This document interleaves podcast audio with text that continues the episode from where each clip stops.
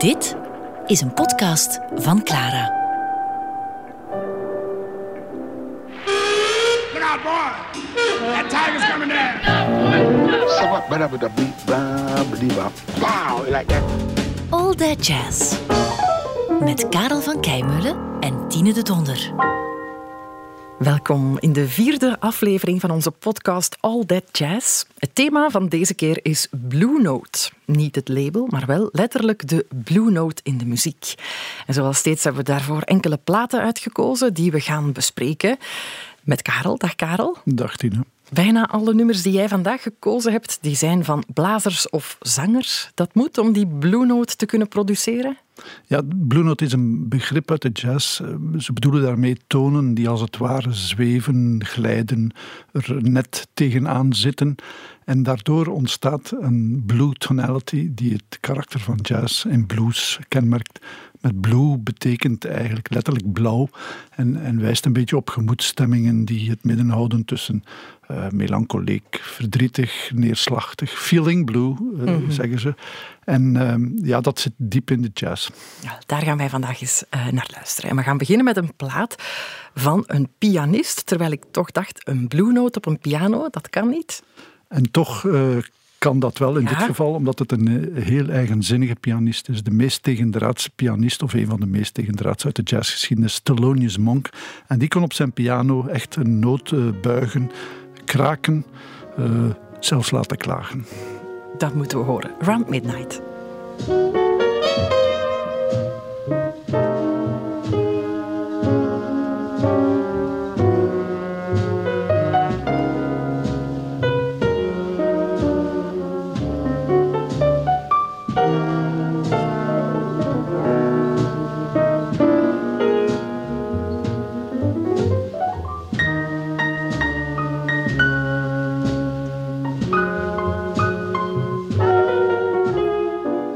Sfeer zitten we, Karel?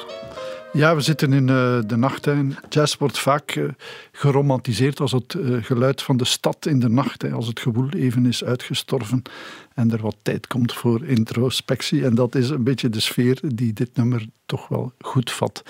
En die Blue Notes, ja, je hoort die piano. Sommige mensen zeggen, zeggen zelfs, ja, hij speelt hier vals of hij lijkt wel een beetje dronken. Dat is de manier waarop hij de toetsen aanslaat en ook de manier welke noten hij combineert. Hij gebruikt vaak van die kleine clustertjes en daardoor krijg je een soort dissonant, dat dissonante karakter en dat, dat, geeft de, dat benadrukt de sfeer nog scherper, naar mijn gevoel. En is dat zijn typische stijl? Absoluut, want dit uh, Round Midnight is, is nog zijn meest uh, klassieke nummer, zou je kunnen zeggen. Hij heeft ook in, in meer up-tempo nummers gebruikt hij heel rare starten en, en stops. En ook uh, gebruikte die, die clusters van noten nog veel contrastrijker, botsen ze tegen elkaar. En um, uh, ook uh, hoor je bijna puzzelachtige constructies met heel hoekige en zigzaggende lijnen. En dat kenmerkt de hele stijl van Thelonious Monk. Hij was eigenlijk niet ouderwets, maar ook niet modern. Hij had een heel eigen stijl, waar allerlei invloeden in zaten. Zowel van uh, liedjes als van de kerk, als van de beboppers. Want hij was mee een van de creators van de bebop. Als van de stride-pianisten uit uh, Harlem. Stride betekent grote stappen nemen. En de pianostijl in Harlem was toen dat pianisten met hun linkerhand uh, zowel de basnoten als de akkoorden speelden en groot, afwisselden en met de rechterhand improviseerden op melodieën. Op bepaalde tellen van de maat speelden ze een akkoord en, en een basnoot. Heel kenmerkend. Hij heeft die stijl dan helemaal naar zijn hand gezet en verfijnd, maar dat zat er ook allemaal sterk in. Heel die cultuur zat daarin. En in dit nummer, Round Midnight, welke invloeden hoor jij daarin? Ja, de kerk ook hè, natuurlijk, maar ook, ook uh, mooie melodieën, ballads. Uh, uh, het is een heel teder nummer, maar het is nooit sentimenteel. Hè.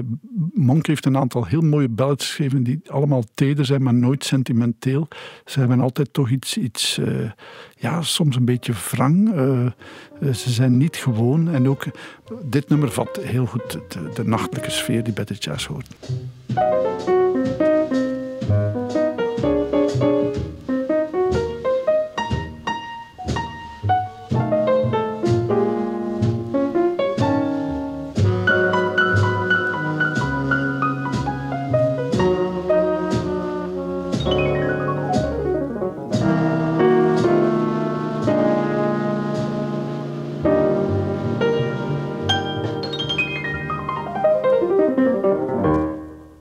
Klank van New York?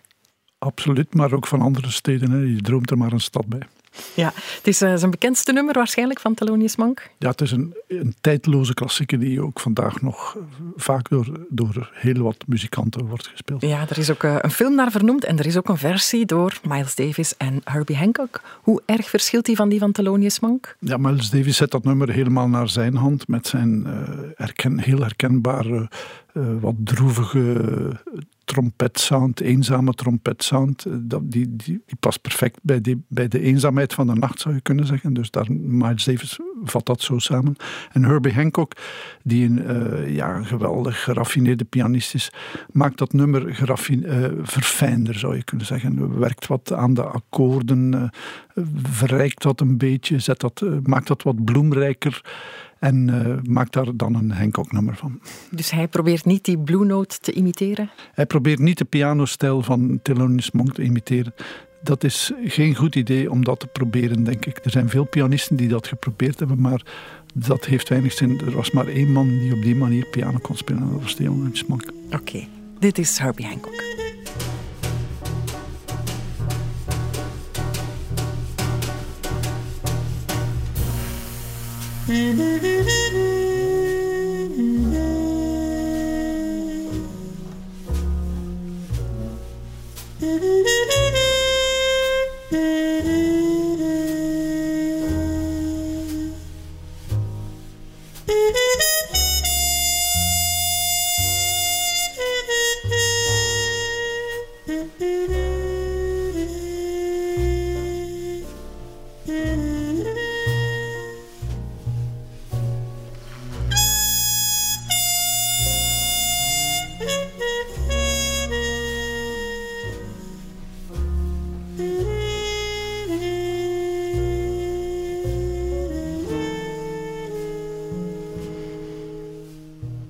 Ja, ik vind dit een uh, fantastisch mooie versie. De melodische grootmeester Miles Davis en. Herbie Hancock. Maar het origineel is uh, van Thelonious Monk. En van hem gaan we door naar een tenorsaxofonist, Coleman Hawkins. En het nummer Body and Soul, kan je dat even situeren? Ja, Body and Soul was een, een, liedje geschreven voor een Britse zangeres en begin de jaren dertig. En in 1939 nam uh, Coleman Hawkins dat op. Hawkins had toen net uh, een, een, verblijf van vijf jaar in Europa achter de rug. Hij was eigenlijk een beetje gevlucht voor het racisme, zoals nogal wat Afro-Amerikaanse muzikanten ooit hebben gedaan. En hij kwam terug en hij moest zich opnieuw bewijzen in de Amerikaanse muziekscène, want hij was bijna vergeten. En hij nam toen Body and Soul op en hij maakte daar een, een klassieker van, die ook op de jukeboxen terecht is gekomen en daar wel tien jaar is verbleven. Door de manier van spelen, door zijn geweldige manier van saxofoon spelen.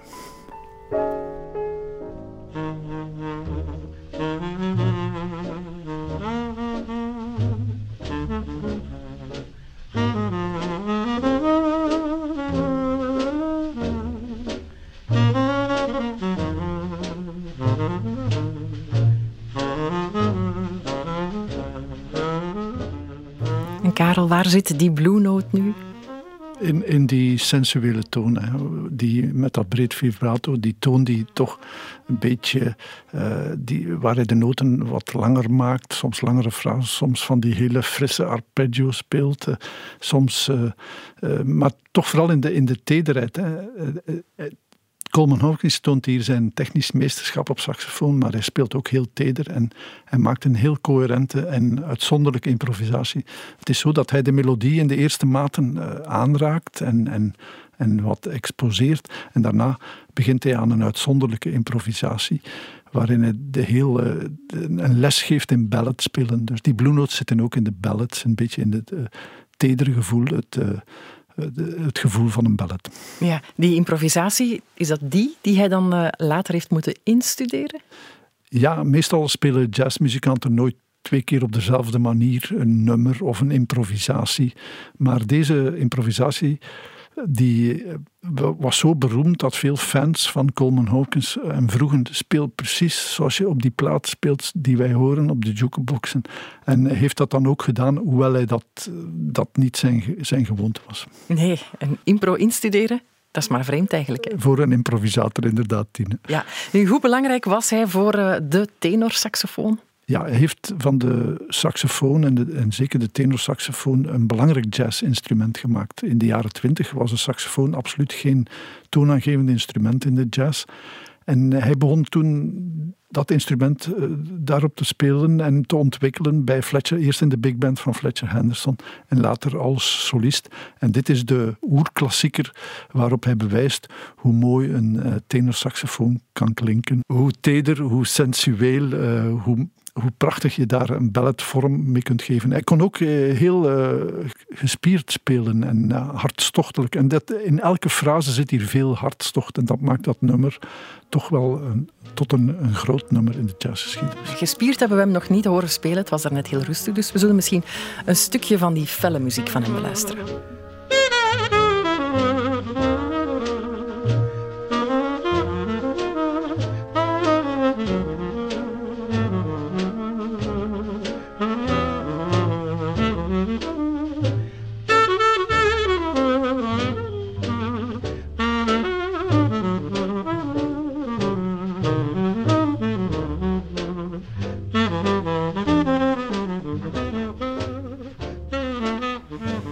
Was hij een trendsetter, Coleman Hawkins? Absoluut. Ja, je zou kunnen zeggen dat er toch wel een school uit is ontstaan. En iemand die hem zeer bewonderde was uh, Sonny Rollins, de, ook de legendarische saxofonist. Sonny Rollins hoorde als tienjarige jongen op een jukebox Body and Soul. En toen besloot hij van tenorsaxofonist te worden. En dat, ja, dat is een bepaalde stroming in, in de jazz. Uh, men plaatste in die jaren Coleman Hawkins altijd tegenover Lester Young. Coleman Hawkins die meer gespierd, vol hartstocht speelde. En Lester Young die lichtvoetiger, uh, eleganter speelde. Dat waren twee stromingen in, in, in, in twee stijlen eh, van, van saxofoonspelen, maar die hebben allebei school gemaakt. Ja, en moeten we nog iets weten over het nummer Body and Soul? Hij heeft het opgenomen in 1939. Als je naar dit nummer luistert, eh, wil je altijd weten wat de volgende stap is. Dat is ook heel intelligent in die opbouw van Coleman Hawkins. Het is zoals eh, naar een spannende film zitten kijken of een spannend boek aan het lezen bent. Je wil weten hoe het verder gaat. Hij sleept je mee in dit nummer en je, alsof hij eh, een lange tocht maakt en, en je weet niet om wat er om de volgende hoek loert. En dat maakt het ook een beetje een spannend nummer. En zou hij dat bewust doen? Ik denk het wel, eh, maar dat is een, een logica die in, in hem zat. En eh, ja, het is een, hij was een, in een begenadigde bui, denk ik, op dat moment. Ja, fijn. Karel, we hebben het hier vandaag over Blue Notes. Die horen we vooral op blaasinstrumenten. Maar ook een stem kan dat doen. En de volgende man, die kan dat eigenlijk alle twee. Chet Baker, trompet en stem. Uh, van hem zeggen ze wel eens, laat hem een paar noten spelen en je herkent meteen zijn klank. Vind jij dat ook? Ja, ja. en ook als hij zingt herken je hem natuurlijk meteen zijn klank, eh, ja, een heldere, transparante klank, melancholiek en zeer melodisch. We gaan meteen eens luisteren naar eh, zijn grootste hit, denk ik, My Funny Valentine. Zeker, ja.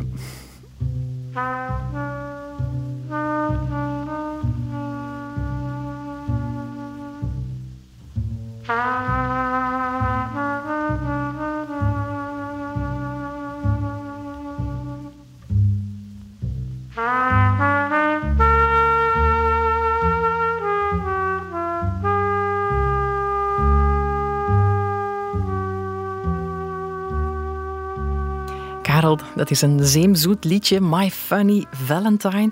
Vertaalt hij dat ook goed in zijn trompet, vind je? Ja, zeker. Ja. Hij, vat helemaal... Uh, vooral de, de, de melancholieke kant van dat liedje, zo de wat, wat treurige kant van dat liedje. Want in, in dat liedje, het is een liedje van Rodgers and Hart, het beroemde liedjeschrijversduo uit een, uit een musical alweer.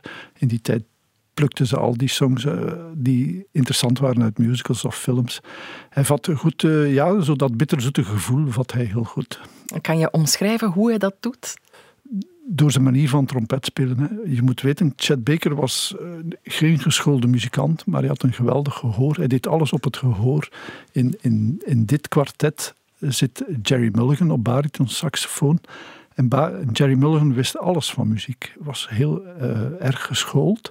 En die begreep dat niet, dat Chet Baker na twee keer iets te horen dat onmiddellijk kon spelen. En, en ook op zijn soms ingewikkelde constructies netjes kon antwoorden met vloeiende zinnen.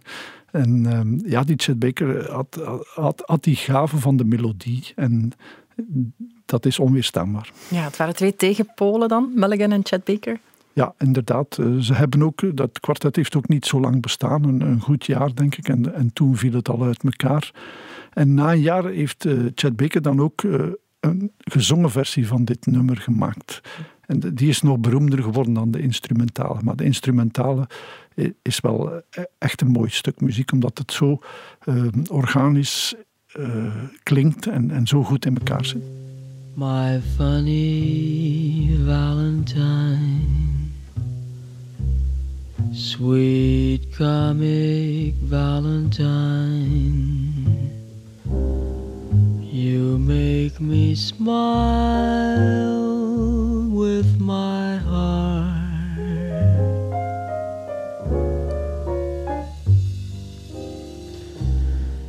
Your looks are laughable,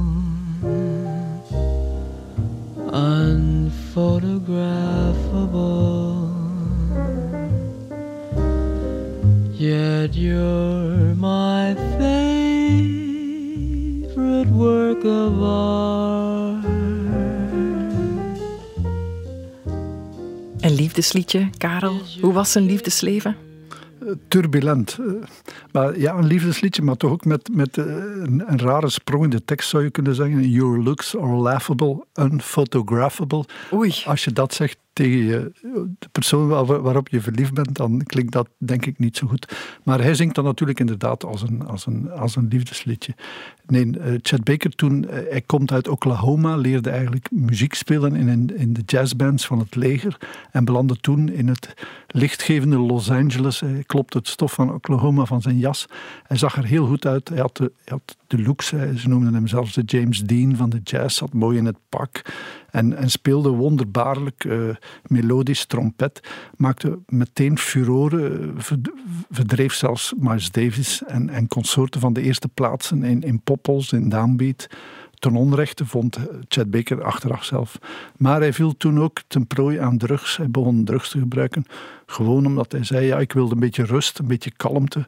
Uh, ja, de druk van het musiceren, van het muzikantenleven, woog denk ik op hem. En hij is nooit meer van die drugs afgeraakt. En dat heeft zijn leven echt wel uh, getekend en ook voor een stuk verwoest. Ja, ik heb gelezen dat hij ook uh, een paar voortanden kwijtgeraakt is bij een vechtpartij. Dan vraag ik me af, een trompetist met um, gekwetste voortanden. Lukt dat nog? Dat was een eh, heel bewogen periode in zijn leven. Eind jaren 60 werd hij inderdaad na een, denk ik, wellicht een mislukte drugsdeal door een aantal mannen uh, in elkaar geslagen en, en verdwenen een stuk van, van, van een voortand. En toen is hij even van de scène verdwenen en hij is dan teruggekeerd in de jaren 70 en Eind jaren 70 en de jaren 80 heeft hij vooral in Europa opgetreden. Hij was heel populair in Europa. Maar hij heeft bijvoorbeeld ook in Italië in de jaren 60, waar hij toen ook uh, heel bekend was, in de gevangenis gezeten, omdat hij verwikkeld was geraakt in een, in een smokkelaffaire met, met tabletten.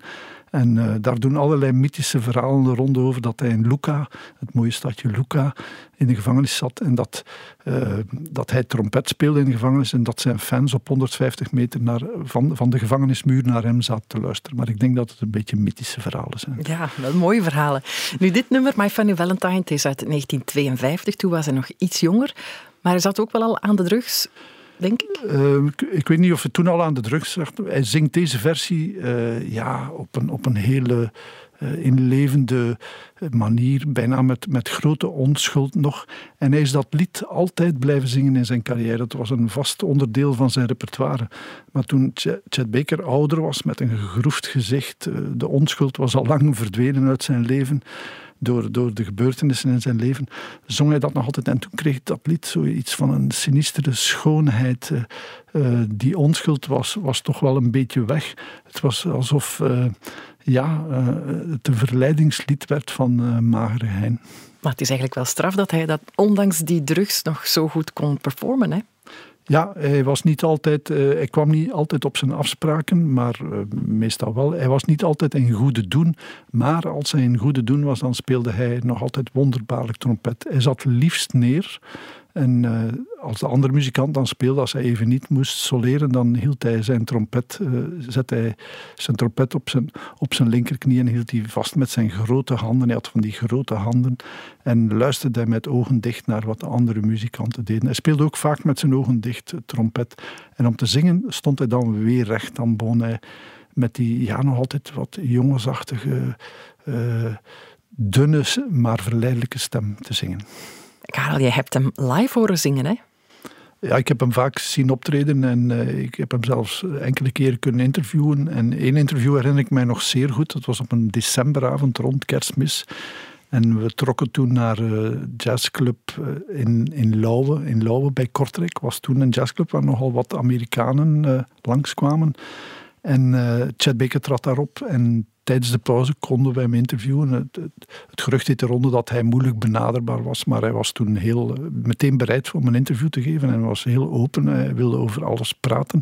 Hij was die avond ook in goede doen. Het zat daar nog vol. En hij speelde uh, wonderbaarlijk. En je moet je voorstellen, Tine, die jazzclub in Lauwe, daar hing nog, ik herinner me dat nog, een, een, een kruisbeeld. En daarnaast hingen foto's van onder meer John Coltrane, zoals de, zoals de heilige van de jazz. En beneden was er een keldertje en dat was de kleedkamer voor de muzikant. Een klein, uh, ja, zo'n zo een keldertje waar vroeger de mensen hun, een confituur en, en uh, groenten opsloegen. En daar zaten Chet Baker en zijn, ah. en zijn companen. Daar had het interview plaats. Wauw. En welke indruk maakte hij op jou?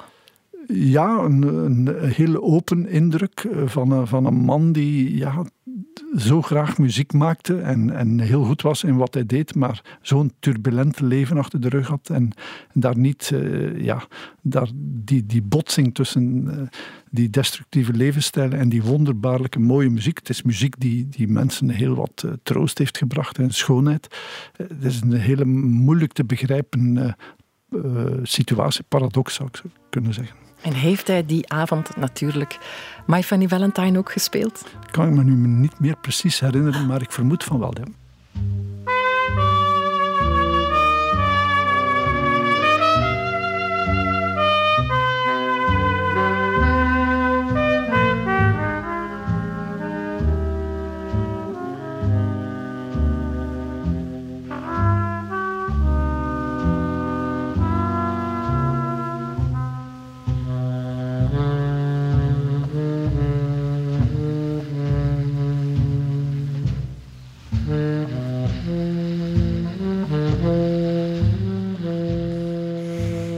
Is toch verbluffend mooi, hè, Karel? Zeer zeker en verleidelijk, Tine. Mm -hmm. Van hem gaan we over naar een zangeres, Cecile McLaurin Salvant. Zij zingt de Peacocks, de Pauwen en dat is een heel recent nummer, eentje uit 2018, piepjong eigenlijk. Past dat voor jou in ons rijtje van iconische jazznummers? Uh, ja, zeker, want de Peacocks is gecomponeerd in 1975 door pianist Jimmy Rolls en de beroemde saxofonist Stan Getz heeft er dan een meesterlijke versie van gemaakt. Nadien heeft de Britse zangeres Norma Winstone daar een tekst op gezet. Een uh, interessante tekst. En het is die tekst, de combinatie van die muziek en die tekst, die Cecile McLaurin Salvant, een nog vrij jonge zangeres, 31 jaar is ze, uh, geïntrigeerd heeft. En ze heeft er haar eigen versie van gemaakt. The window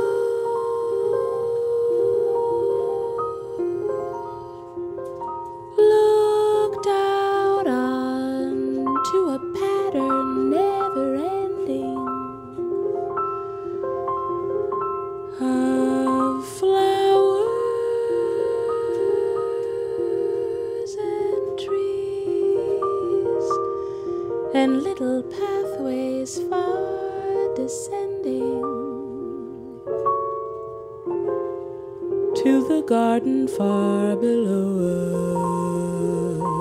us. The pavilion in the sunlight, where the peacocks proudly grace the scene.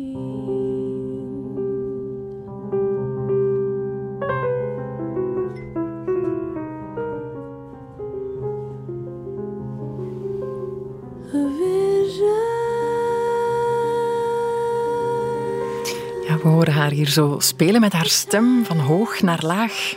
Zijn dat die Blue Notes? Ja, inderdaad. En dat kenmerkt ook haar manier, eh, haar zangstijl. Eh, die Cecile McLaurin Salvant, het is een, een boeiend verhaal. Zij is de dochter van een Haitiaanse arts en een, een Franse moeder die schooldirecteur was. Ze groeide op in Miami, maar ze ging dan studeren in Aix-en-Provence. En ze wou eigenlijk uh, klassieke muziek studeren, uh, barok. En dat deed ze ook, maar ondertussen maakte ze ook kennis met improvisatie en jazz. En maakte ze daar haar eerste opname.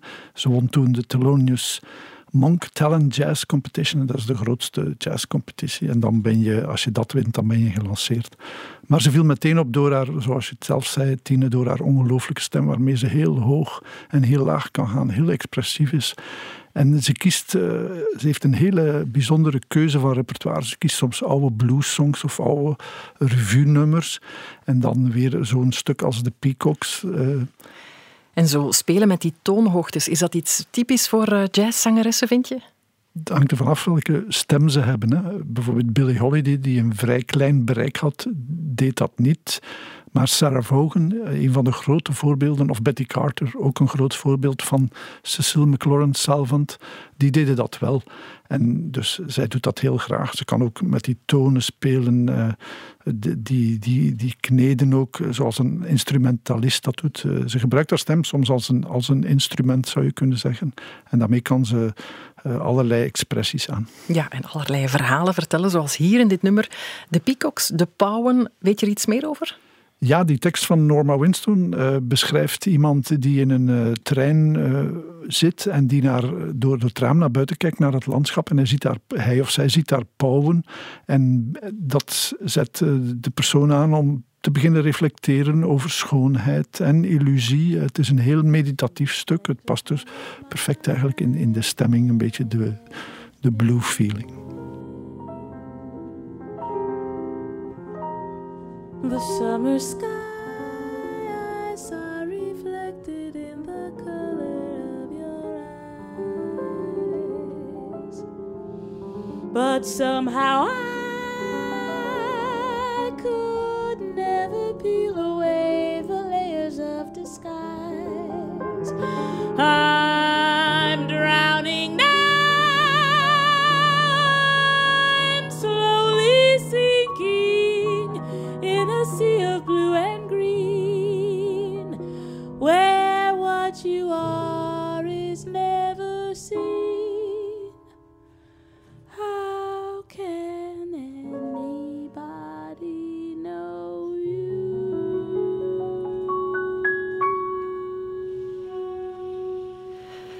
Cecile McLaurin Salvant en haar mooie blauwe noten. We hadden ook Chet Baker, Thelonious Monk en Coleman Hawkins. Allemaal mensen die spelen met die o zo typische blue notes uit de jazz. Dankjewel, Karel.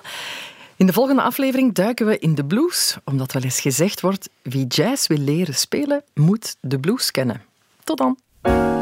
If it sounds good, it's going to be good music, and if it doesn't, it won't be music. All that jazz. All that jazz.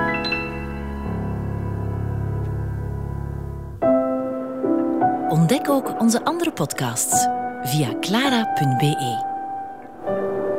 Clara Podcast. Blijf verwonderd.